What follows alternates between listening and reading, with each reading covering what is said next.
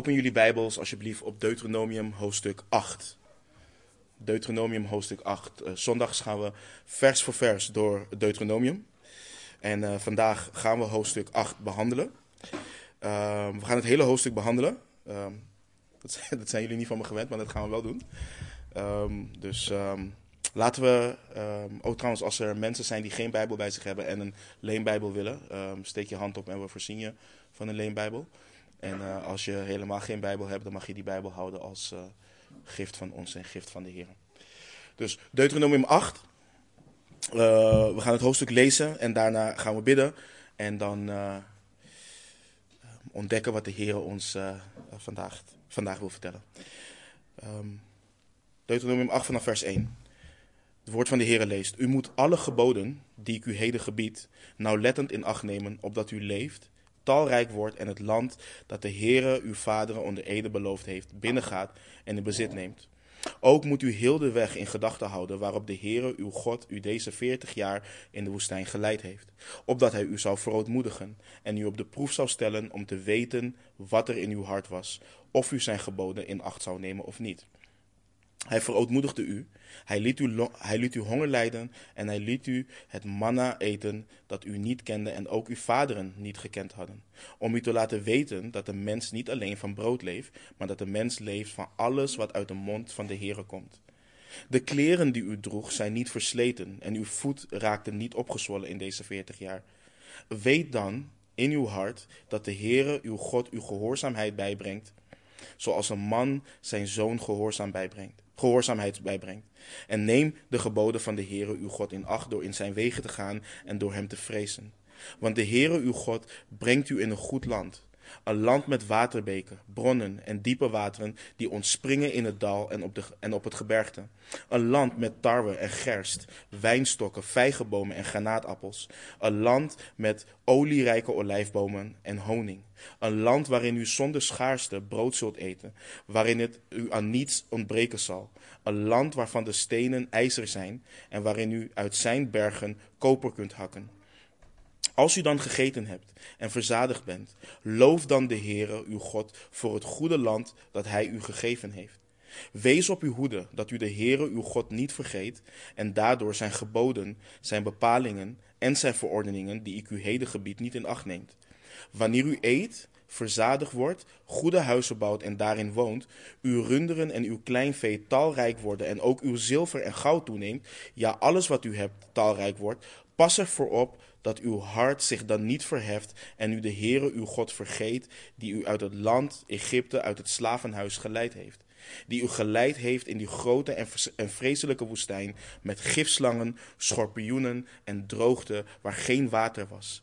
Die uit het hart, die uit hartgesteente water voor u liet komen die u in de woestijn het manna liet eten, dat uw vaderen niet gekend hadden, opdat hij u zou verootmoedigen en u op de proef zou stellen om u uiteindelijk wel te doen. En dat u dan niet in uw hart zegt, mijn eigen kracht en de macht van mijn hand heeft dit vermogen voor mij verworven. Maar u moet de Heere uw God in gedachten houden, dat Hij het is die u kracht geeft om vermogen te verwerven, opdat Hij zijn verbond zou bevestigen, dat Hij onder ede met uw vaderen gesloten heeft zoals het op deze dag nog is. Als het echter gebeurt dat u de Heere, uw God, helemaal vergeet, achter andere goden aangaat, hen dient en u voor hen neerbuigt, dan verzeker ik u heden dat u zeker zult omkomen.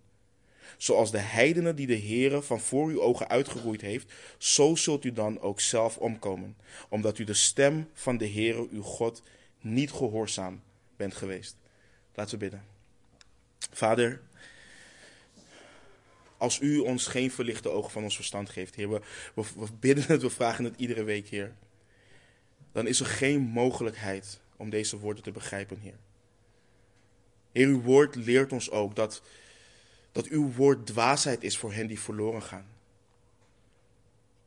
Maar voor ons die zalig zijn geworden, Heer, is het, is het aangenaam, is het goed. Dus ik bid ook, Heer, dat u ons laat zien, Heer, dat u tot ons spreekt en dat u ons verlichte ogen van ons verstand geeft. Nogmaals dat u ons heiligt door uw woord. Dat we mogen wandelen op een wijze u waardig. We houden van u en we bidden in de machtige naam van onze Heer Jezus Christus. Amen. Sergio heeft vorige week uh, hoofdstuk, uh, hoofdstuk 7 met ons behandeld. En hij heeft vanuit de tekst benadrukt hoe belangrijk het is om een heilig leven te leiden. Een leven wat apart gezet is door en voor de Heere God. De Israëlieten mochten geen verbond met de Canaanieten sluiten. Ze mochten hen niet genadig zijn. Ze mochten hun dochters niet aan hun zonen geven en de dochters van de Canaanieten niet nemen voor hun zonen. Voor de wereld van vandaag gaat dit rechtstreeks in tegen de religie van inclusiviteit. want we moeten allemaal met elkaar kunnen gaan. We zijn allemaal gelijk en we moeten kunnen doen wat we willen. Maar wij kijken niet naar wat de wereld zegt, maar naar wat de Heere God zegt. En God zegt in zijn woord in Romeinen 12, vers 2. Jullie moeten me helpen, want ik kan niet zien of je doet. Ja, oké. Romeinen 12, vers 2. Dan staat er dat Paulus schrijft. En wordt niet aan deze wereld gelijkvormig, maar wordt veranderd door de vernieuwing van uw gezindheid. Om te kunnen onderscheiden wat de goede, welbehagelijke en volmaakte wil van God is. De Heere Jezus zei in Johannes 15, vers 19 ook: Als u van de wereld zou zijn, zal de wereld het hare lief hebben. Maar omdat u niet van de wereld bent, maar ik u uit de wereld heb uitverkoren, daarom haat de wereld u. Wij zijn niet van deze wereld. Gods kinderen zijn getrokken uit de wereld en zijn burgers van zijn koninkrijk. Ons burgerschap is in de hemelen, schreef de apostel Paulus in Filippenzen 3:20. Gods volk hoort dus niet te denken als de wereld, het hoort niet te spreken als de wereld en het hoort niet te handelen als de wereld. Het heeft ook geen gemeenschap met de wereld. En Paulus stelt ook de vraag die Sergio vorige week citeerde. Wat heeft gerechtigheid gemeenschappelijk met wetteloosheid? En welke gemeenschap is er tussen licht en duisternis?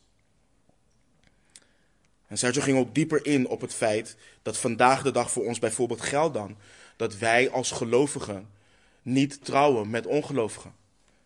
Want wat voor gemeenschap is er tussen licht en duisternis? Maar onze God is zo genadig. Hij is geduldig, hij is barmhartig. Hij kan ons, hij kan ons iets opdragen om te doen zonder het te hoeven uitleggen. Maar in zijn genade legt hij toch uit waarom hij de dingen gebiedt en verbiedt. De Israëlieten zouden achter de goden van de Canaanieten aangaan als ze de Heere God ongehoorzaam zouden zijn en Gods toorn zou hierdoor tegen hen ontbranden. Israël is Gods persoonlijke eigendom. God gekozen omdat God hen wilde kiezen. En zo zijn wij, omdat God het wilde en van tevoren had beloofd, gebracht in de schaapskooi en Gods volk geworden. Wij die niet zijn volk waren, wij die hem niet zochten. En zo horen wij dus acht te slaan op deze waarschuwingen aan Israël. Want God verandert niet. En we zagen, als Israël zou gehoorzamen, dan zouden ze genieten van de zegen van het land. Ze zouden genieten van de zegen van gemeenschap met de Heere God. Maar als ze ongehoorzaam zouden zijn, dan zouden ze omkomen. Dan zou Gods toorn over hen heen komen. En Mozes blijft bij het thema gehoorzaamheid. En iedere keer belicht hij weer iets anders, waardoor Israël zal moeten inzien dat er groot zegen ligt in het gehoorzamen van de Heere God. Dat het ten goede van de mens is om God te vrezen en te gehoorzamen. Want God is een goede God. Hij is genadig, hij is barmhartig, hij is goed voor hen die hem vrezen. En laten wij hiervan leren. En laten we, laten we blijven herinneren dat we niet gehoorzamen om zalig te worden. We gehoorzamen niet om in de goede gunst te vallen van de Heere God. Net zoals Paulus besefte, moeten wij ook beseffen. Er is niets goeds wat in ons vlees leeft. Niets goeds wat Gods affectie voor ons zou opwekken. God heeft ons lief omdat Hij ervoor heeft gekozen om ons lief te hebben. Wij mogen van Gods liefde genieten omdat de Vader, van zijn of omdat de Vader zijn zoon lief heeft en een volk heeft gegeven aan zijn zoon. Dat is genade. En laten we dan acht slaan op wat de apostel Paulus schreef aan de Corinthiërs in 1 Korinthe, uh, in 1 Korinthe 10, vers 11. Al deze dingen nu zijn hun overkomen als voorbeelden voor ons. En ze zijn beschreven tot waarschuwing voor ons over wie het einde van de eeuwen gekomen is. En dat brengt ons bij onze tekst van vanmorgen. En Mozes roept Israël weer op tot gehoorzaamheid. En hij gaat dit keer weer terugblikken. Hij gaat hen wijzen op hun tijd in de woestijn. En dit is prachtig, want onthoud, Israël staat aan de rand van het beloofde land. Als het ware met hun gezicht naar het beloofde land en hun rug naar de woestijn. Maar toch wijst Mozes hen op wat er achter hun ligt. En laten we de eerste uh, zes versen weer lezen. Waar Mozes spreekt: U moet alle geboden die ik u heden gebied nauwlettend in acht nemen, opdat u leeft, talrijk wordt en het land dat de Heere uw vaderen onder ede beloofd heeft, binnengaat en in bezit neemt. Ook moet u heel de weg in gedachten houden waarop de Heere uw God u deze veertig jaar in de woestijn geleid heeft, opdat hij u zou verootmoedigen en u op de proef zou stellen om te weten wat er in uw hart was, of u zijn geboden in acht zou nemen of niet. Hij verootmoedigde u. Hij liet u honger lijden. Hij liet u het manna eten dat u niet kende en ook uw vaderen niet gekend hadden, om u te laten weten dat de mens niet alleen van brood leeft, maar dat de mens leeft van alles wat uit de mond van de Heere komt.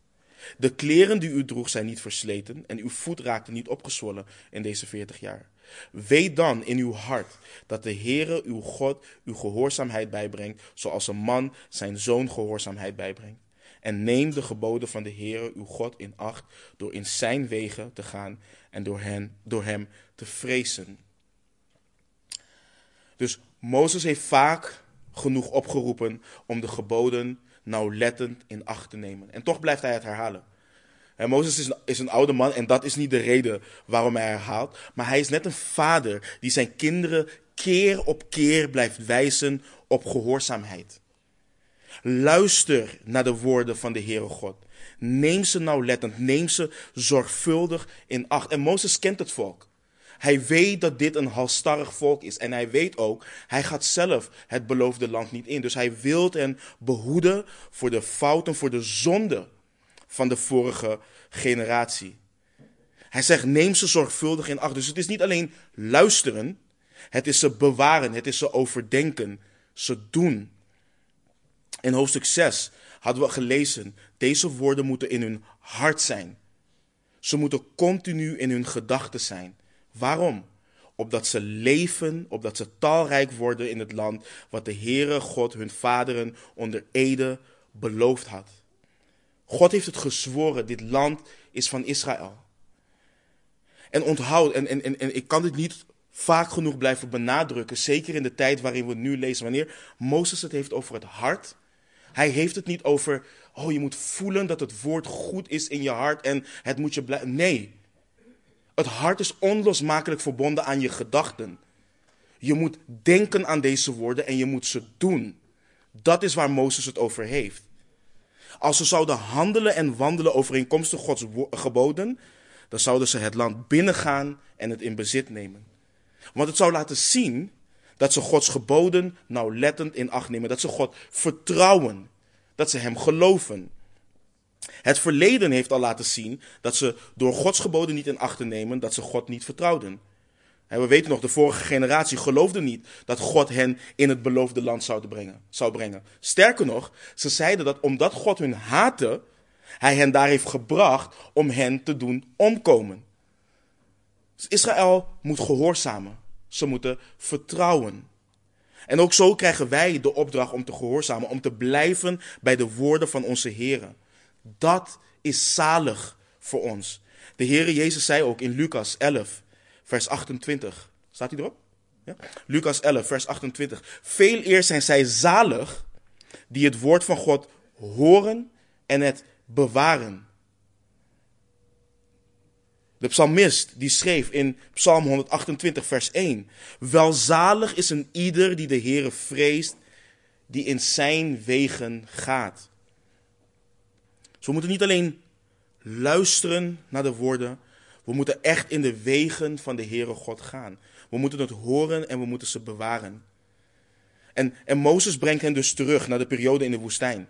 Hij herinnert hen eraan hoe de Heere God hen veertig jaar lang door de woestijn heen heeft geleid. Met het doel dat hij hen zou verootmoedigen en op de proef zou stellen. Hij vernederde hen. Het was een nederigmakende periode. Een periode van testen en beproeving. Zo zou er naar boven komen wat er in het hart van de Israëlieten leefde en of zij de Heere God daadwerkelijk zouden gehoorzamen.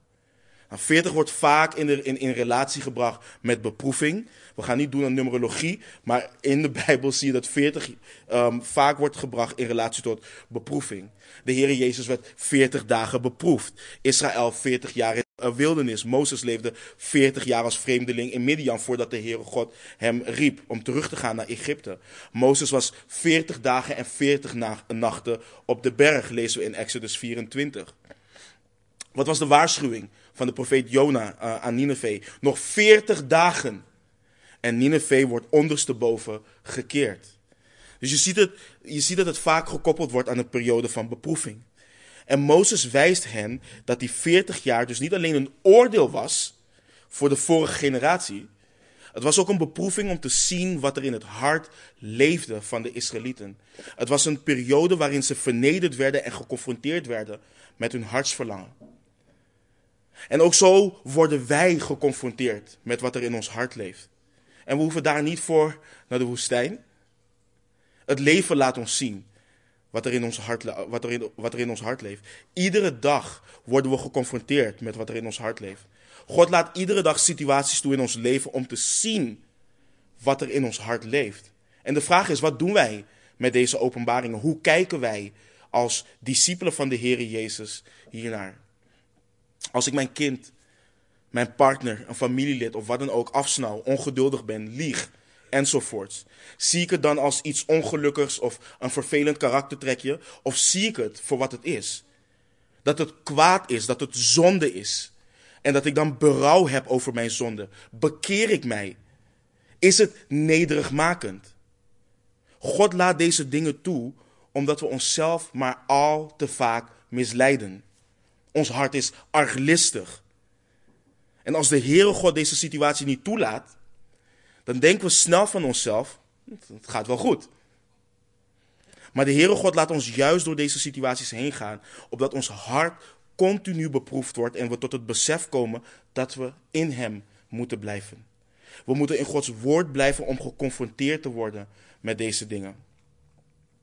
En, weet je wat grappig is voor ons als beleidende discipelen? We kunnen vaak in overeenstemming met de schrift toegeven dat we zondig zijn. Net zoals Paulus, dat er niets goeds in ons leeft. Maar toch kunnen we het niet geloven wanneer we een woedeuitbarsting krijgen. Toch kijken we daar verbaasd van op. We kunnen het niet geloven wanneer we opeens liegen. Of wanneer we die ene zonde doen waarvan we dachten, dat overkomt mij toch niet. En mogen de Heere God ons heiligen en reinigen van onze hoogmoed, broeders en zusters.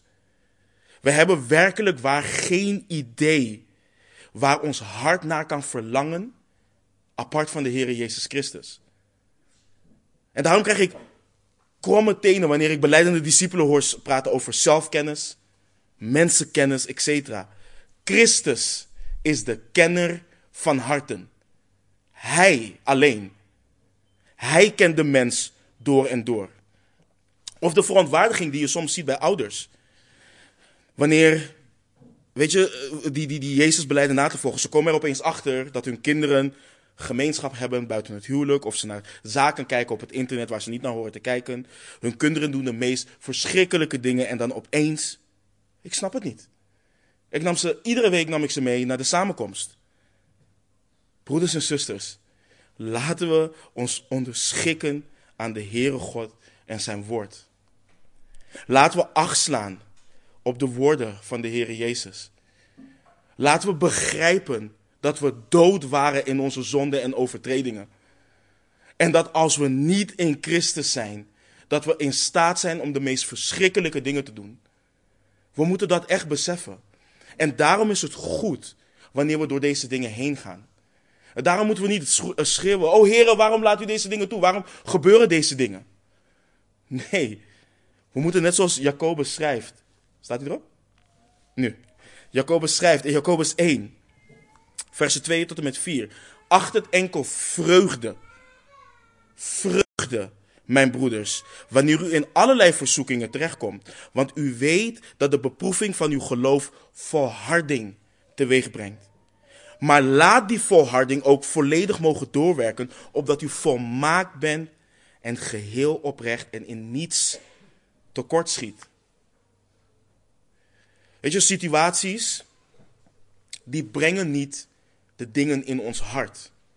Situaties laten zien wat er in ons hart leeft. Het is niet omdat mijn vrouw iets doet, waardoor ik opeens boosheid in mijn hart heb. Nee, het leeft in mijn hart. En God laat zien door die situatie dat het in mijn hart leeft. En dat ik me daarvan moet bekeren. Want ik wil mijn vrouw lief te hebben zoals Christus de gemeente heeft lief gehad. En zo zie je dus dat God Israël door deze periode heen liet gaan. En hij laat ons ook door dingen heen gaan om te laten zien wat er in ons hart leeft. En Israël leed honger. God vernederde hen. Hij liet hen het manna eten, het manna wat uit de hemel kwam. Waarom? Opdat ze zouden weten dat de mens niet alleen van brood leeft, maar dat de mens leeft van alles wat uit de mond van de Heer komt. We kennen deze woorden van de Heer Jezus in de woestijn tegen de Satan. Hoe de Satan de Heer Jezus probeerde te verzoeken om stenen in brood te veranderen. Maar de Heer Jezus hield stand. Want de Heer Jezus is gekomen om de wil van de Vader te doen. En hij zei tegen de discipelen in Johannes 4 dat zijn voedsel de wil van hem doen die hem gezonden heeft en zijn werk volbrengt. Dat is zijn voedsel. De Heere Jezus deed wat hij de Vader heeft zien doen. Hij deed de wil van de Vader en behaagde daarin niet zijn eigen vlees. Je moet je voorstellen, 40 dagen zonder te eten. Maar hij week niet af van hetgeen waartoe hij gezonden was. En houden wij ons ook zo vast aan het woord van de Heer. Waar wij ook doorheen gaan. Geloven wij dat alleen de Heer Jezus ons zal verzadigen? Geloven wij dat zijn woord in iedere situatie genoeg is? Dat dat alles is wat we hebben? Wanneer we bijvoorbeeld praten over de toereikendheid van Gods woord, praten we niet alleen over het feit dat het genoeg is. Nee, we praten over dat dat hetgeen is wat we hebben. In iedere situatie. Geloven we dat onafhankelijk van Hem niets ons zal verzadigen. Niet eens fysiek voedsel. Voor ons is dit zo relevant, want de Heer Jezus zei in Johannes 6, na het voeden van de 5000, in Johannes 6, vers 35, ik ben het brood des levens. Wie tot mij komt, zal beslist geen honger hebben. En wie in mij gelooft, zal nooit meer dorst hebben. En verderop in hetzelfde hoofdstuk lezen we vanaf vers 47. Voorwaar, voorwaar, ik zeg u, wie in mij gelooft, heeft, heeft eeuwig leven. Ik ben het brood des levens. Uw vaderen hebben het manna gegeten in de woestijn en zij zijn gestorven. Dit is het brood dat uit de hemel neerdaalt, opdat de mens daarvan eet en niet sterft. Ik ben het levende brood dat uit de hemel neergedaald is. Als iemand van dit brood eet, zal hij leven in eeuwigheid. En het brood dat ik geven zal, is mijn vlees, dat ik geven zal voor het leven van de wereld. Al hetgeen van de wereld zal vergaan. We kunnen met alles van de wereld, we kunnen ons met alles van de wereld proberen te verzadigen. En we zullen toch sterven. De Israëlieten aten het manna en zij zijn gestorven. Maar zij die het brood, het levende brood, dat uit de hemel neergedaald is, als iemand dit brood eet, zal hij in eeuwigheid leven. Hoe zalig zijn deze woorden. Je ziel zal verzadigd zijn. Je zult eeuwig leven hebben door het levende brood. Door de Heer Jezus Christus. Geloof in Hem. Alleen door Hem zul je leven. Jaag de vergankelijke dingen van dit leven niet na. Maar verblijd je in Hem. Verblijd je in God. Verblijd je in Zijn woord. Het is kostbaarder dan zuiver goud. En let op wat Mozes zegt. De mens zal leven van alles wat uit de mond van de Heer komt. Dit heeft niet simpelweg met bestaan te maken, maar een vruchtbaar leven. Groeien, groeien in Hem. Gods woord is ons gegeven voor ons goed. Weet je hoeveel beleidende discipelen er zijn die vechten tegen Gods woord? Die rebelleren tegen Gods woord. Alsof de dingen die hij gebiedt het leven zullen beperken. Terwijl er juist staat dat de mens zal leven door het woord van God. Weet je, onze verlangens, onze eigen dromen, onze gevoelens, ze misleiden ons. Maar Gods woord is hetgeen wat leven geeft. Word verzadigd door Gods woord. Mediteer op Gods woord. Jullie weten hoe vaak we dit benadrukken hier. En, en, en, en laat me nog een keer benadrukken. Mediteren op Gods woord is niet je Bijbel-app openen, het vers van de dag lezen en daar de hele dag mee bezig zijn. Dat is niet mediteren op Gods woord. Mediteren op Gods woord is duiken in zijn woord. Het woord als het ware verslinden en het overdenken, het eigen maken, het memoriseren, het toepassen. Dat is het leven, dat is, dat is leven van Gods woord. Niemand zal groeien door een vers van de dag te lezen en daar, oh oké, dat is, dat is, dat is, ik heb, ik heb het woord van God tot me genomen. Dat is niet waar de Bijbel van spreekt. We moeten niet afwijken van Gods woord. We moeten iedere dag duiken in dit woord en Christus zoeken, de rijkdom ervan zoeken, graven in dit woord. Want leert de psalmist ons niet en leert Salomo ons in spreuken niet. Dat dit kostbaarder is dan zuiver goud. Er is niets meer dan dat. Hij roept zijn zoon op om dit te zoeken, om de wijsheid te zoeken. Alsof er niets anders is op de wereld. Dat is wat wij dienen te doen. En Mozes wijst Israël ook op hoe God hen heeft gedragen in de wildernis. De kleren die u droeg zijn niet versleten en uw voet raakte niet opgezwollen in deze 40 jaar. God heeft hen gedragen als een vader die zijn zoon draagt. En ook zo draagt de Heere God ons door dit leven heen. Met alles wat er op ons afkomt, draagt Hij ons. Hij behoudt ons, Hij zorgt voor ons. En wanneer we ons bekleden met een nieuwe mens, dan zullen we stand kunnen houden tegen het kwaad van deze wereld. Weet je, wanneer, deze, wanneer de dingen op ons afkomen, ons vlees zal kunnen sterven, maar we hebben eeuwig leven. En waarom denk je dat de apostel Paulus kan zingen in de gevangenis? Waarom denk je dat de apostelen en de discipelen het, het vreugde achten? Dat ze, waardig, vreugde, dat ze vreugde hadden in het feit dat ze waardig geacht ehm, waren om te mogen lijden omwille van zijn naam. Het vlees is vergankelijk. En ze hebben het eeuwig leven. Ze zijn bekleed met een nieuwe mens. Niets zal dat kunnen veranderen. En Mozes wijst hen erop dat God hen gehoorzaamheid bijbrengt. Net zoals een vader zijn zoon gehoorzaamheid bijbrengt. God is een God die tucht. Hij doet dit omdat hij lief heeft. Hij doet dit omdat we hem vrezen en gehoorzamen. En wanneer God tucht, dan is dat niet het doel op zich. Wanneer de Heere God ons tucht, oftewel straft, dan doet Hij dit omdat we zien en realiseren dat al hetgeen wat Hem niet behaagt uit ons leven gebannen moet worden. Dat het geweerd moet worden uit ons leven. Hij reinigt en Hij heiligt ons. In Hebreeën 12 lezen we ook in vers 6 tot en met 8. Want de Heere bestraft wie Hij lief heeft. En Hij geestelt iedere zoon die Hij aanneemt. Als u bestraffing verdraagt, verdraagt, behandelt God u als kinderen. Want welk kind is er dat niet door zijn vader bestraft wordt? Maar als u zonder bestraffing bent, waar allen deel aan hebben gekregen, bent, gekregen, bent u bastaarden en geen kinderen. En laat me vooropstellen dat het niet fijn voelt wanneer de Heere God dit doet. Nogmaals, het, is, het, het, heeft een nederigmakend effect. Je wordt geconfronteerd met je oude zondige natuur, wat zo rebelleert tegen de dingen van de Heere God. Maar we zijn als zijn kinderen voorbestemd om gelijkvormig te worden aan onze Heer Jezus Christus. En daarom is het ook goed om herinnerd te worden aan uh, vers 11 in Hebreeën 12. En elke bestraffing schijnt op het moment zelf wel geen reden tot blijdschap te zijn, maar tot droefheid. Maar later geeft zij hun die erdoor geoefend zijn een, vreed, een vreedzame vrucht van gerechtigheid. Dat is altijd het doel met tucht. Ook wanneer je bijvoorbeeld kerkelijke tucht toepast. Kerkelijke tucht is niet het, het, het, het doel op zich. Het middel is, is dat men tot bekering komt en gaat wandelen overeenkomstig de geboden van de Heere God. En Mozes gaat verder en legt uit waarom gehoorzaamheid zo belangrijk is.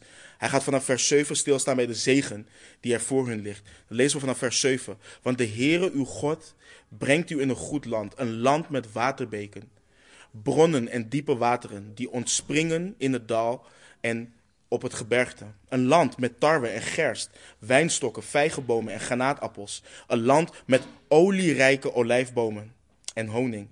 Een land waarin u zonder schaarste brood zult eten. Waarin het u aan niets ontbreken zal. Een land waarvan de stenen ijzig zijn en waarin u, waarin u uit zijn bergen koper kunt hakken. Als u dan gegeten hebt en verzadigd bent, loof dan de Heere uw God voor het goede land dat hij u gegeven heeft. We zien hier als het ware wat we in Matthäus 6 zien. De Heere Jezus zegt in Matthäus 6, 33, maar zoek eerst het koninkrijk van God en zijn gerechtigheid. Al deze dingen zullen u erbij gegeven worden. De focus is op het gehoorzamen van de Heere God. Daar ligt de aandacht op. Het land is hen al gegeven. God weet wat hij hen gaat geven en gegeven heeft. Wat belangrijk is, is dat ze de Heere God gehoorzamen. En het is belangrijk om dit te benoemen, want vaak zie je dat de zegeningen zo worden uitvergroot. Dat die worden belicht. God zal dit geven. God zal dat geven. Nee, nee, nee. God geeft wat hij wilt, hoe hij het wilt en wanneer hij het wilt. Wij, wij moeten gehoorzamen. Maar om toch wat in te zoomen op de zegeningen.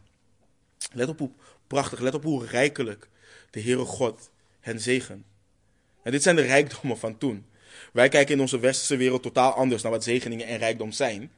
Weet je, tegenwoordig zie je ook in de charismatische kerk dat, hey, als die Bentley voor de deur staat, dan ben je gezegend. Nee, nee deze gedachte is onbekend in de Bijbel. De Heere God brengt hen in een, in een land met waterbeken, bronnen en diepe wateren. Een land met tarwe en gers, wijnstokken, vijgenbomen en granaatappels. Een land met olie, uh, olierijke olijfbomen en, en honing. En wij, wij zouden denken, waarom zijn waterbeken een zegen? Het water is nodig voor de bomen om vrucht te produceren. En het is een symbool van overvloed, een rijkelijk gezegend leven. En als we dit toepassen, broeders en zusters, ook wij zijn rijkelijk gezegend in de Heer Jezus Christus. Hij zei in Johannes 4 tegen de Samaritaanse vrouw dat hij levend water geeft. Dat een ieder die drinkt van het water wat hij geeft in eeuwigheid geen dorst meer zal krijgen.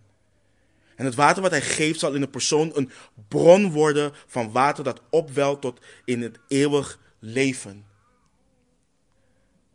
En zo doet de Heer Jezus de oproep en geeft hij de uitnodiging in Johannes 7, versen 37 tot met 39. En op de laatste dag, de grote, de grote dag van het feest, stond Jezus daar en riep: Als iemand dorst heeft, laat hij, laat hij tot mij komen en drinken. Wie in mij gelooft, zoals de schrift zegt, stromen van levend water zullen uit zijn binnenste vloeien. En dit zei hij over de geest, die zij die in hem geloven ontvangen zouden. Want de Heilige Geest was er nog niet, omdat Jezus nog niet verheerlijkt was. Als jij gehoor hebt gegeven aan de roepstem van de Heer Jezus, als jij uit duisternis getrokken bent en vervuld bent met zijn geest, dan ben je rijkelijk gezegend. Besef je dat, discipel? In en door de kracht van de Heilige Geest mogen we een rijkelijk gezegend leven leiden tot eer en glorie van onze zaligmaker. En dat is ook het ding, als je kijkt naar het land, het wijst niet naar Israël. Het wijst naar Hem die het geeft. En zo is het ook bijvoorbeeld wanneer wij geestelijke gaven krijgen. Je ziet in de charismatische kerk hoe, hoe de geestelijke gaven ver, verheven worden. Opdat de mens verheerlijkt wordt. Maar de gaven zijn gegeven waarvoor? Om elkaar te dienen als gemeente, opdat Christus verheerlijkt zal worden. Dat is waarom ze gegeven worden opdat wij een heilig leven leiden tot eer en glorie van de Heer Jezus Christus. Nergens in het woord zie je, oh kijk mij eens in tongen spreken. Nergens. Kijk mij eens mensen genezen. Nee. Wanneer Johannes en Petrus die man genezen, laat het bekend zijn vandaag dat het door Christus is dat deze man vandaag de dag voor u loopt. Dat hij gezond is. Dat is waartoe de geestelijke gaven gegeven zijn. Opdat Christus verheerlijkt wordt. De Heere Jezus zei over zichzelf in Johannes 10 dat hij, de goede herder, is gekomen opdat zijn schapen leven hebben en overvloed hebben. En dat ligt voor ons niet in een fysiek land. Nee, dat ligt in hem. Daarom is het zo een bemoediging om te lezen wat Paulus schrijft in Efeze 1, vers 3. Gezegend zij de God en Vader van onze Heer Jezus Christus, die ons gezegend heeft met alle geestelijke zegen in de hemelse gewesten in Christus. Broeder, zuster, er ontbreekt je niets. Verblijd je in Hem. Loof Hem, prijs Hem. Dat is ook de opdracht die de Israëlieten krijgen in vers 10. Denk aan wat je hebt ontvangen. Genade op genade. Je bent verzoend met de levende God. Hij was toornig op ons. Hij zou rechtvaardig oordelen. Maar zijn goede tierenheid is aan jou en aan mij verschenen. Loof Hem. Loof Hem voor wat Hij jou gegeven heeft. En niet alleen geestelijk, ook materieel. Wij weten dat alles van God komt. Wij weten dat Hij soeverein heerst en regeert over alles en allen. En wij weten dat Hij toestaat dat zelfs goddelozen rijkdom kunnen verwerven. En wij weten waar alles vandaan komt. Wij weten dat elke goede gave en elk volmaakt geschenk van boven is en neerdaalt van de Vader der lichten, bij wie er geen verandering is of schaduw van omkeer. Maar de goddelozen, die loven en prijzen hem niet. Die denken, dat, die denken dat de zuurstof die ze inademen hun recht is. Maar wij dienen God te loven voor alles. Ons te verheugen in wat Hij ons geeft, want wij weten dat Hij bepaalt wanneer wij ons laatste adem uitblazen. Wij weten dat de zuurstof die wij hebben in ons longen, dat dat gegeven is door Hem. Geef Hem daar de glorie voor. Maar Mozes geeft vanaf vers 11 ook een belangrijke waarschuwing. Laten we lezen. Hij leest, hij, hij uh, spreekt. Wees op uw hoede, dat u de Heere, uw God, niet vergeet. En daardoor zijn geboden, zijn bepalingen en zijn verordeningen, verordeningen die ik u heden gebied niet in acht neem.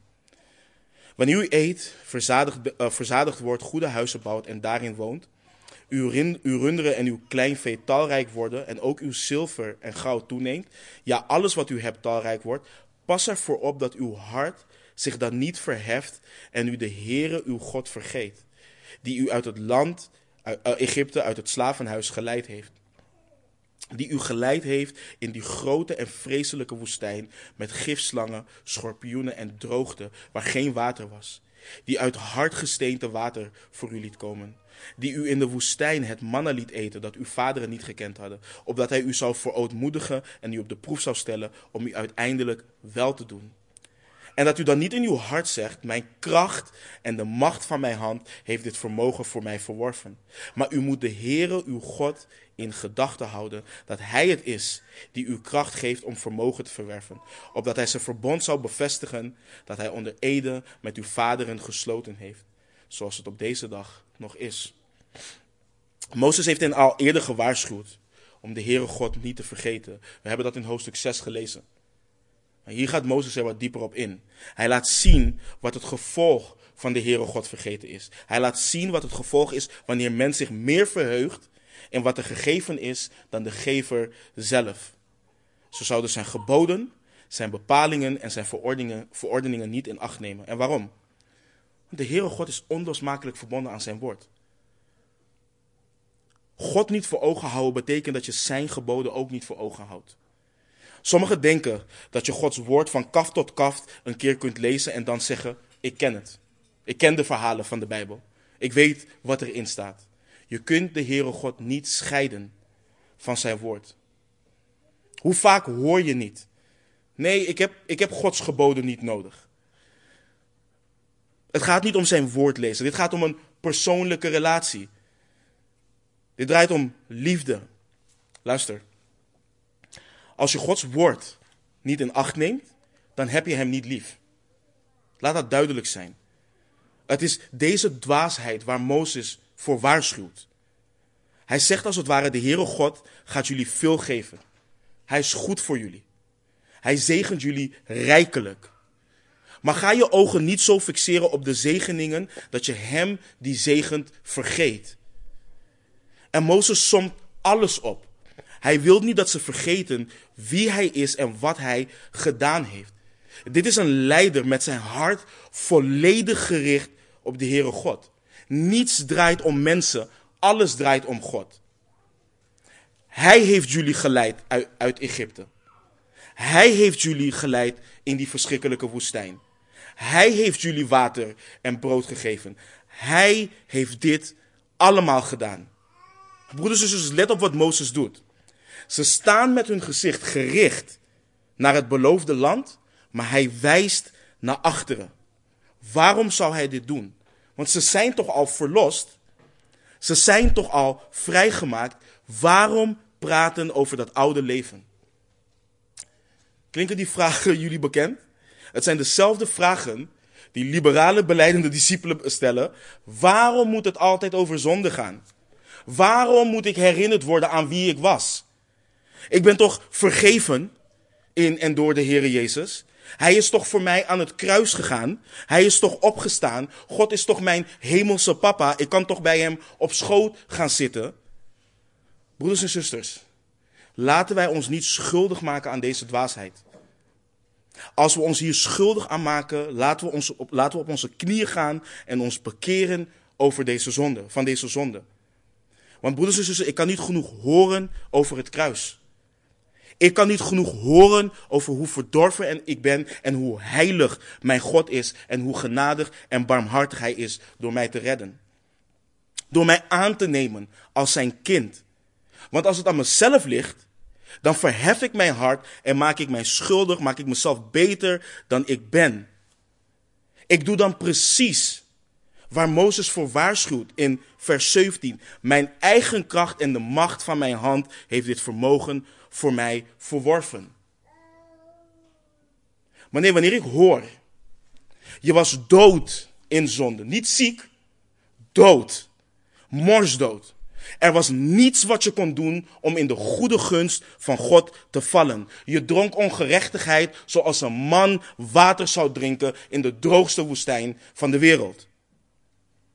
En wanneer ik dit hoor en ik lees de evangelie, ik lees hoe glorieus mijn Heer Jezus Christus is. Ik lees en hoor hoe de Vader zegt, dit is mijn zoon in wie ik mijn welbehagen heb. Ik lees in de brieven hoe hij zonder zonde was. Hoe hij niets verkeerds gedaan heeft. Hoe hij niets verkeerds gedacht heeft. Niets verkeerds heeft gesproken. Ik lees hoe hij de lijdensweg voor mij is gegaan. En ik lees dan in Hebreeën 12, vers 2. Hij heeft om de vreugde die hem in het vooruitzicht was gesteld, het kruis verdragen en de schande veracht. Hij heeft dat allemaal gedaan. De vader verbrijzelde hem hij had daar zijn welbehagen in. Om hem te vermorselen aan het kruis. En als ik dan denk en ik kijk en ik zie het lam van God daar aan het kruis. Als ik voorbij ga aan, hoe slecht ik ben en hoe slecht ik was en hoe verdorven ik was. Als ik daar niet aan herinnerd word, dan rest de enige vraag. Waarom hing hij daar? Dat is de vraag die ik mezelf moet stellen als ik niet over zonde wil praten, waarom hing het lam van God aan het kruis? Waarom ben ik gezegend met al die, met die zegeningen in de hemelse gewesten? Waarom heb ik de hoop die ik heb? Christus is geopenbaard om de zonde weg te nemen. Hij is de verzoening voor onze zonde. En wat krijg je? Wanneer je niet doet wat Mozes doet, wanneer je, wat, wat, wat je krijgt, wanneer je het alleen wilt hebben over het leven in Christus, maar niet kijkt waaruit hij je heeft geroepen, dan is het alsof je de brief Efeze vanaf hoofdstuk 4 tot en met 6 alleen leest en hoofdstuk 1 tot en met 3 overslaat. Of je krijgt dan dat je Romeinen vanaf hoofdstuk 12 leest, maar hoofdstuk 1 tot en met 11 overslaat. Vooral de eerste drie hoofdstukken waar Paulus iedereen onder verdoemenis brengt. De Jood en de Griek. En aan wie schrijft hij dit? Aan discipelen, aan de heiligen, aan hen die vrijgekocht zijn door Christus.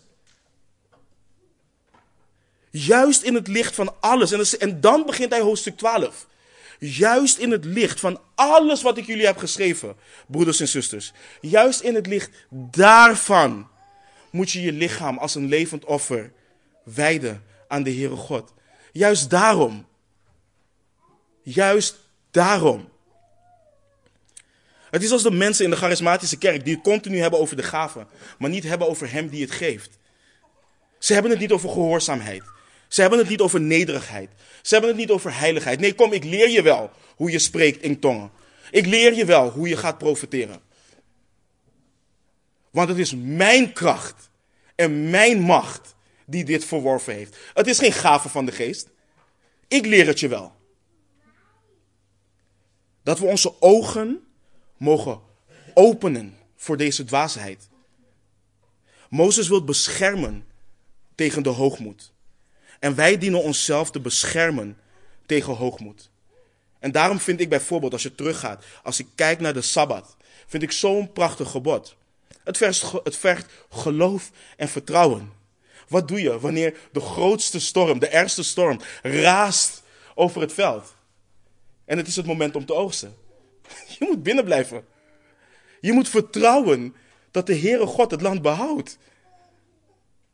Je moet gehoorzamen. Je vertrouwt God dat Hij in zijn genade en soevereiniteit het land behoudt. Je kunt niet roemen in jezelf. Je kunt alleen roemen in God. En de Israëlieten kunnen niet zeggen dat zij zelf dat prachtige land en de rijkdommen ervan hebben verworven. En hoe zit het met ons? Verheft ons hart zich? Heb je gaven van de Heer gehad? Zien mensen verandering in je? En wie krijgt daar dan de eer en glorie voor? Steek je dat compliment in je zak? Of krijgt de Heer de eer en glorie? Getuig je van wat voor ellendige zondaar je was. Hoe driftig je was. Hoe lustig je was. Hoe hebzuchtig je was. En dat Christus voor jou aan het kruis is gegaan. En jou uit duisternis heeft getrokken. En zijn geest nu in jou woont. Dat je een nieuwe schepping bent. In en door hem. Dat hij je oproept om heilig, eervol te wandelen. En dat je hier alleen gehoor aan kan geven, omdat Zijn geest het willen en het werken in je doet. Dat het God is die je heiligt door Zijn woord. Dat het is omdat je in Christus blijft, omdat je zonder Hem niets kunt. Of is het dat je het werk van de Heere Jezus vergeet en getuigt dat je eigenlijk nooit iemand was die snel boos werd? Iemand die zich nooit snel zorgen maakte. Iemand die zich wel makkelijk kon beheersen of wat en al dat soort dingen. Ik ben God dankbaar, ook bijvoorbeeld voor de andere broeders. Wanneer iemand komt en bedankt voor de studie en wat dan ook. God krijgt de eer en de glorie.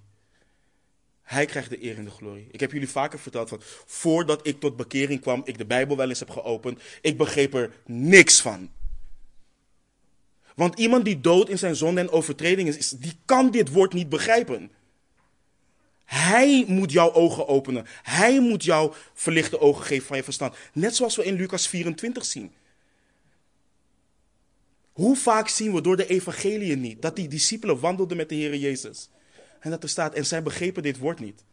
En dat het pas toen hij verheerlijkt was, dat zij dat woord konden begrijpen. En daarom moeten we ons ook beschermen. Kijk, ik ben al voor dat als iemand naar een theologische school wil gaan, bijbelschool of wat dan ook, en wil studeren om uiteindelijk te dienen, prijs de Heer als het mogelijk gemaakt wordt. Dat vooropgesteld. Maar als we gaan doen alsof dat de voorwaarde is om te kunnen dienen, om Gods mensen voor te kunnen gaan in het woord, dan doe je wat de waar de Israëlieten hiervoor gewaarschuwd worden. Dat het het vermogen is omdat je zelf goed kan leren, dat je het woord nu kan onderwijzen. Nee, het is Gods werk. Hij doet dat. We moeten beseffen dat het niet door onszelf komt, broeders en zusters, maar dat het de kracht van de Heere God in ons is. Als we niet herinnerd blijven worden aan wie we waren en wat dit met zich meebracht, maakt dat ons hoogmoedig. We moeten beseffen dat zelfs de keuzes die we maakten zonder de Heere God, voor we Hem kenden, komen vanuit onze zondige en gevallen natuur. Ze komen vanuit, vanuit onze eigen beredenering van wat goed of fout is. Ze komen niet vanuit de gedachte dat we de Heere God zouden verheerlijken. Dus ook al waren het in onze eigen ogen goede dingen, we moeten beseffen dat ook die dingen als een bezoedeld kleed waren. Dat zijn geen dingen waarin ik kan roemen. Niets wat ik deed, niets wat jij deed of doet zonder de Heer Jezus Christus daarmee te verheerlijken. Daar kunnen we niet in roemen. En voor de dingen die we nu doen, daar roemen we niet in onszelf voor of in, want Hem komt alle eer en glorie toe. De Heere God verootmoedigt ons om ons te beschermen tegen hoogmoed. Net zoals hij dat ook deed met Israël in die tijd. Het is juist in een nederige staat dat we echt kunnen genieten van alle zegeningen die hij geeft. Waarom geniet ik van, van wat hij met ons als gemeente aan het doen is? Omdat hij het doet. Hij heiligt ons.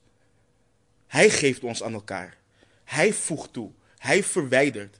Hij doet dat allemaal tot eer en glorie van zichzelf.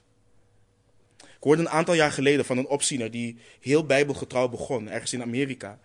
En de gemeente die groeide enorm. En de, en de wereld is natuurlijk altijd bezig met hoe de kerk leegloopt. Dus zij zijn daarheen gegaan en vroegen die man, die voorganger, wat is het geheim van jullie? Hoe kan het dat jullie uh, groeien terwijl er kerken zijn die juist hun deuren moeten sluiten? En die man waarnaar ik luisterde, dus die die studie gaf, uh, die keek naar, naar, naar dit voorval op de tv en hij zei, en hij, en hij zei tegen zichzelf, als deze man nu niet de glorie gaat geven aan Jezus Christus, dan is het over met hem in die kerk. En wat gebeurde er? Die man vertelde over allerlei dingen die ze deden en hoe alles zo goed geregeld was, etc. En binnen een jaar was die hele kerk uit elkaar gevallen. Binnen een jaar. Binnen een jaar. Die man was vergeten dat het Christus is die zijn gemeente bouwt. Dat hij te midden van de kandelaren wandelt en de sterren in zijn handen heeft. Oftewel de opzieners in zijn handen heeft. En dat in tegenstelling tot bijvoorbeeld een Charles Spurgeon. Waar ze ook naar hem toe kwamen en vroegen van, hé, hey, wat is het geheim? En dan laat hij een kelder zien waar er allemaal mensen zijn die aan het bidden zijn. Dat is het verschil. Dat is het verschil. Wie krijgt de eer, wie krijgt de glorie? Als wij geloven dat Christus hoofd van de gemeente is, dan kan niemand roemen. Niemand. Wanneer God zegent, mogen we ervan genieten. Maar het is niet omwille van ons. Het is omwille van zijn glorie en zijn helsplan. Dat is iets wat we nooit mogen vergeven, vergeten. Ons bekende psalm, wanneer hij doet neerliggen in grazige weiden, dan doet hij dat omwille van zichzelf. Wanneer hij leidt naar stille wateren, dan doet hij dat omwille van zichzelf. Wanneer hij onze ziel verkwikt en ons leidt in het spoor van de gerechtigheid, dan doet hij dat omwille van zijn naam. En wij mogen ervan genieten. We mogen er echt van genieten. Maar we moeten weten dat hij het doet omwille van zijn naam. En vergeet niet wat Sergio vorige week had geciteerd uit uh, uh, Deuteronomium 7. Staat hij erop? Ja, eh, vers 7. Of Deuteronomium 7 vanaf vers 6. Want u bent een heilig volk voor de Heere uw God. De Heere uw God heeft u uitgekozen uit alle volken op de aardbodem om voor hem tot een volk te zijn dat zijn persoonlijk eigendom is. En let op wat er staat vanaf vers 7. Niet omdat u groter was dan al de andere volken, heeft de Heere liefde voor u opgevat en u uitgekozen, want u was het kleinste van al de volken. Maar vanwege de liefde van de Heere voor u en om de eed die hij uw vaderen gezworen had in acht te houden, heeft de Heere u met sterke hand uitgeleid en heeft hij u verlost uit het slavenhuis, uit de hand van de farao, de koning van Egypte. Daarom moet u weten dat de Heere uw God is. Hij is God, de getrouwe God, die het verbond en de goede tierenheid in acht neemt, voor wie hem liefhebben en zijn geboden in acht nemen, tot in duizend generaties. En ook zo dienen we onszelf te blijven herinneren, de Heer Jezus Christus niet te vergeten. Om te blijven groeien in ons geloof, om te blijven groeien in heiligheid. En onze ogen gericht te houden op Hem en op Hem alleen. Als je groeit in heiligheid en mensen zien dat, prijs de Heer daarvoor. Ga niet denken dat jij de kracht hebt om die geboden in acht te nemen. Het is Gods geest in jou die dat werk doet. Als we dat niet doen, dan raken we verstikt in de zonde, in hoogmoed. En Mozes waarschuwt dus tegen hoogmoed, maar hij gaat nog een stap verder. Hij maakt ook duidelijk wat de gevolgen zijn als we toch de Heere God vergeten. We lezen de laatste twee versen, versen 19 en 20. Als het echter gebeurt dat u de Heere uw God helemaal vergeet, achter andere goden aangaat, hen dient en u voor hen neerbuigt, dan verzeker ik u heden dat u zeker zult omkomen. Zoals de heidenen die de Heere van voor uw ogen uitgeroeid heeft, zo zult, ook, zo zult, dan ook, zo zult u dan ook zelf omkomen, omdat u de stem van de Heere uw God niet gehoorzaam bent geweest. Let op wat het gevolg is van de Heere God uh, vergeten. Net lazen we dat je dan zijn geboden niet in acht zult nemen, maar hier lees je ook dat je achter andere goden aangaat. Want de realiteit is als volgt, broeders en zusters. We gaan altijd achter iets of iemand aan. Altijd. De vraag is niet of we zullen aanbidden. De vraag is wie aanbidden we. Joshua zei ook tegen de Israëlieten in Joshua 24, vers 14 en 15. Nu dan, vrees de Heer. Dien hem in oprechtheid en trouw. Doe de goden weg die uw vaderen gediend hebben aan de overzijde van de rivier en in Egypte. En dien de Heer. Maar als in uw ogen kwalijk is de Heer te dienen, kies voor u heden wie u zult dienen. Of de goden die uw vaderen, die aan de overzijde van de rivier woonden, gediend hebben, of de goden van de Amorieten, van wie u het land bewoont. Maar wat mij en mijn huis betreft, wij zullen de Heere dienen. Ieder mens heeft een God zitten op de troon van zijn of haar hart. In Deuteronomium lezen we vooral over afgodsbeelden. En horen we namen zoals Baal natuurlijk en zo voorbij komen. En wij denken in het Westen vandaag de dag dat het dan heel, dat, um, dan heel snel dat wij ons niet schuldig maken aan, uh, aan deze dingen, omdat we niet doen aan voodoo, boeddha, uh, uh, verering of andere religies. Maar wat we moeten beseffen is dat we niet fysiek voor iets hoeven te buigen, opdat het een God wordt. Wat jij plaatst boven, voor of naast de levende God, de schepper van hemel en aarde, dat is jouw afgod. Dat is jouw God. Misschien is het je werk, misschien is het je huis, misschien is het je partner, je kinderen. Dat ene materiële ding, de vakantie, rust, wat dan ook. Maar het kan een afgod zijn. En God wilt goed voor Israël. Maar als ze zijn getuigenis zouden schaden en zijn naam zouden lasteren door als afgezonderd volk achter andere goden aan te gaan, dan zou hij hen doen omkomen. Net zoals Sihon en Och uit de eerste hoofdstukken waren uitgeroeid, zo zouden ook zij worden uitgeroeid. En de rest van het Oude Testament laat ons ook zien dat er veel perioden eh, in de geschiedenis van Israël waren dat ze achter andere goden aangingen. Dat ze de Heere God vergaten. Wanneer het boek Rut begint, dan lezen we dat er een hongersnood was in het land. En soms kunnen we daar zo overheen lezen. En niet beseffen wat dit betekent. We lezen namelijk in dit hoofdstuk van Deuteronomium dat het een land zonder schaarste zou zijn. En dat het hen aan niets zou ontbreken. Een land met tarwe en gerst, wijnstokken, vijgenbomen, granaatappels, olierijke olijfbomen en honing. Dat lezen we. Hoe kan het dan dat het boek Rut zo begint? Hoe kan het dat er een hongersnood is in het land?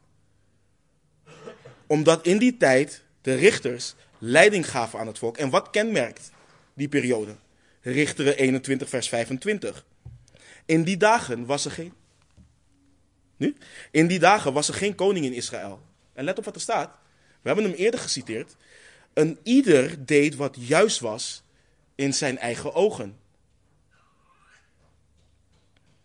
Wanneer we willen begrijpen waarom de Heere God zijn volk, zijn uitverkozen volk, straft, wanneer hij hen in ballingschap wegvoert, dan moeten we teruggaan naar Deuteronomium. Dan zien we, ah, dit is wat de Heere God heeft gezegd, wat zou gebeuren, of wat niet zou gebeuren.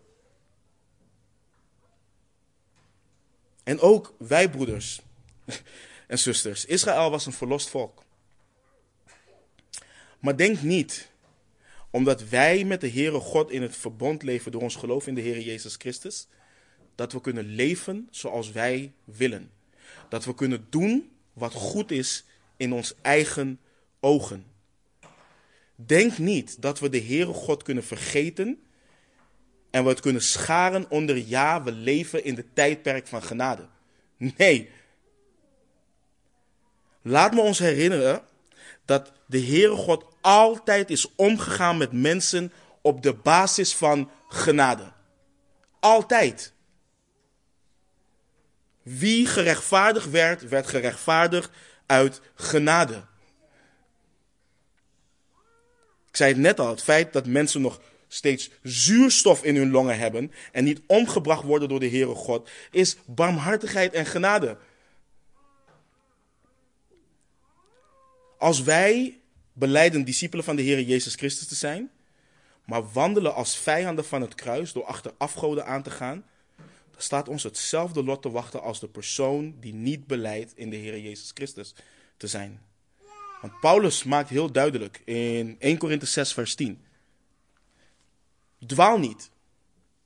Ontuchtplegers, afgodendienaars, overspelers, schandknapen, mannen die met mannen slapen, dieven, hebzuchtigen, dronkaards, lasteraars en rovers zullen het koninkrijk van God niet beërven.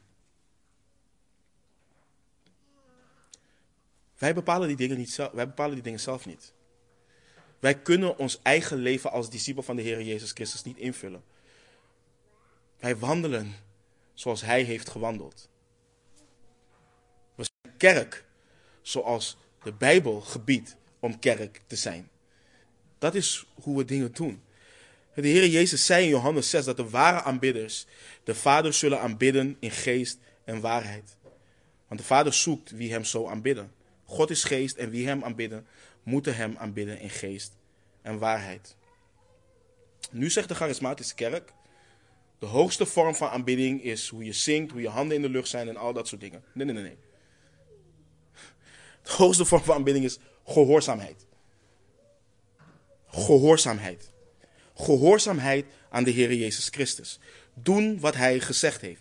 Wandelen zoals Hij gewandeld heeft. Tot eer en glorie van Zijn heilige naam. En broeders en zusters, moet je weer herinnerd worden aan wat de Heere God heeft gedaan in jouw leven. Ben je Hem vergeten? Geniet je van de zegeningen, maar sla je geen acht op Hem die zegent? Verheft je hart zich en zegt dat waar je nu staat en wat je nu bent, dat dat door eigen kracht is verworven? Bekeer je. Bekeer je. Het is zonde. Bekeer je. Wend je tot jouw zaligmaker. Kijk naar zijn glorie. Kijk naar zijn heerlijkheid. Verneder jezelf en hij zal je verhogen. En als het nodig is, lees de eerste drie hoofdstukken van, van Romeinen weer. Te beseffen wat jouw staat is, of jouw staat was, buiten Christus en wat er in je hart kan leven. Roem niet alsof je het niet hebt ontvangen, maar verheerlijk Hem die alles geeft en alles in allen is. Amen. Laten we bidden. Heere God,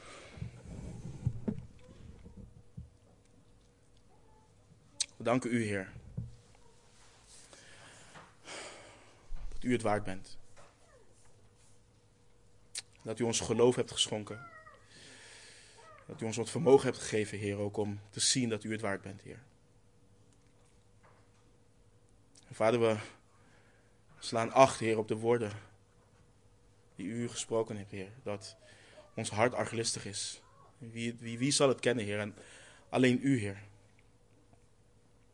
Heer, en ik bid, Heer, dat U ons een standvastige geest geeft, Heer. En dat U ons reinigt en heiligt. Dat we uw glorie mogen zien en uw woord acht mogen slaan op uw woord, Heer. Opdat we wandelen in gehoorzaamheid, Heer.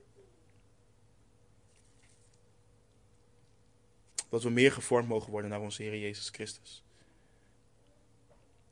Vader, bescherm ons hart tegen hoogmoed. Heer, laat het ook zo zijn dat wij als broeders en zusters ook zo in elkaars leven kunnen spreken tot eer en glorie van uw naam. Dat als we bij elkaar zien dat hoogmoed heerst. Dat we zien dat mensen kampen met hebzucht, lust, wereldsgezindheid, Heer. Dat we kunnen spreken in elkaars leven en elkaar kunnen terechtwijzen. Opdat we ons bekeren tot eer en glorie van uw naam.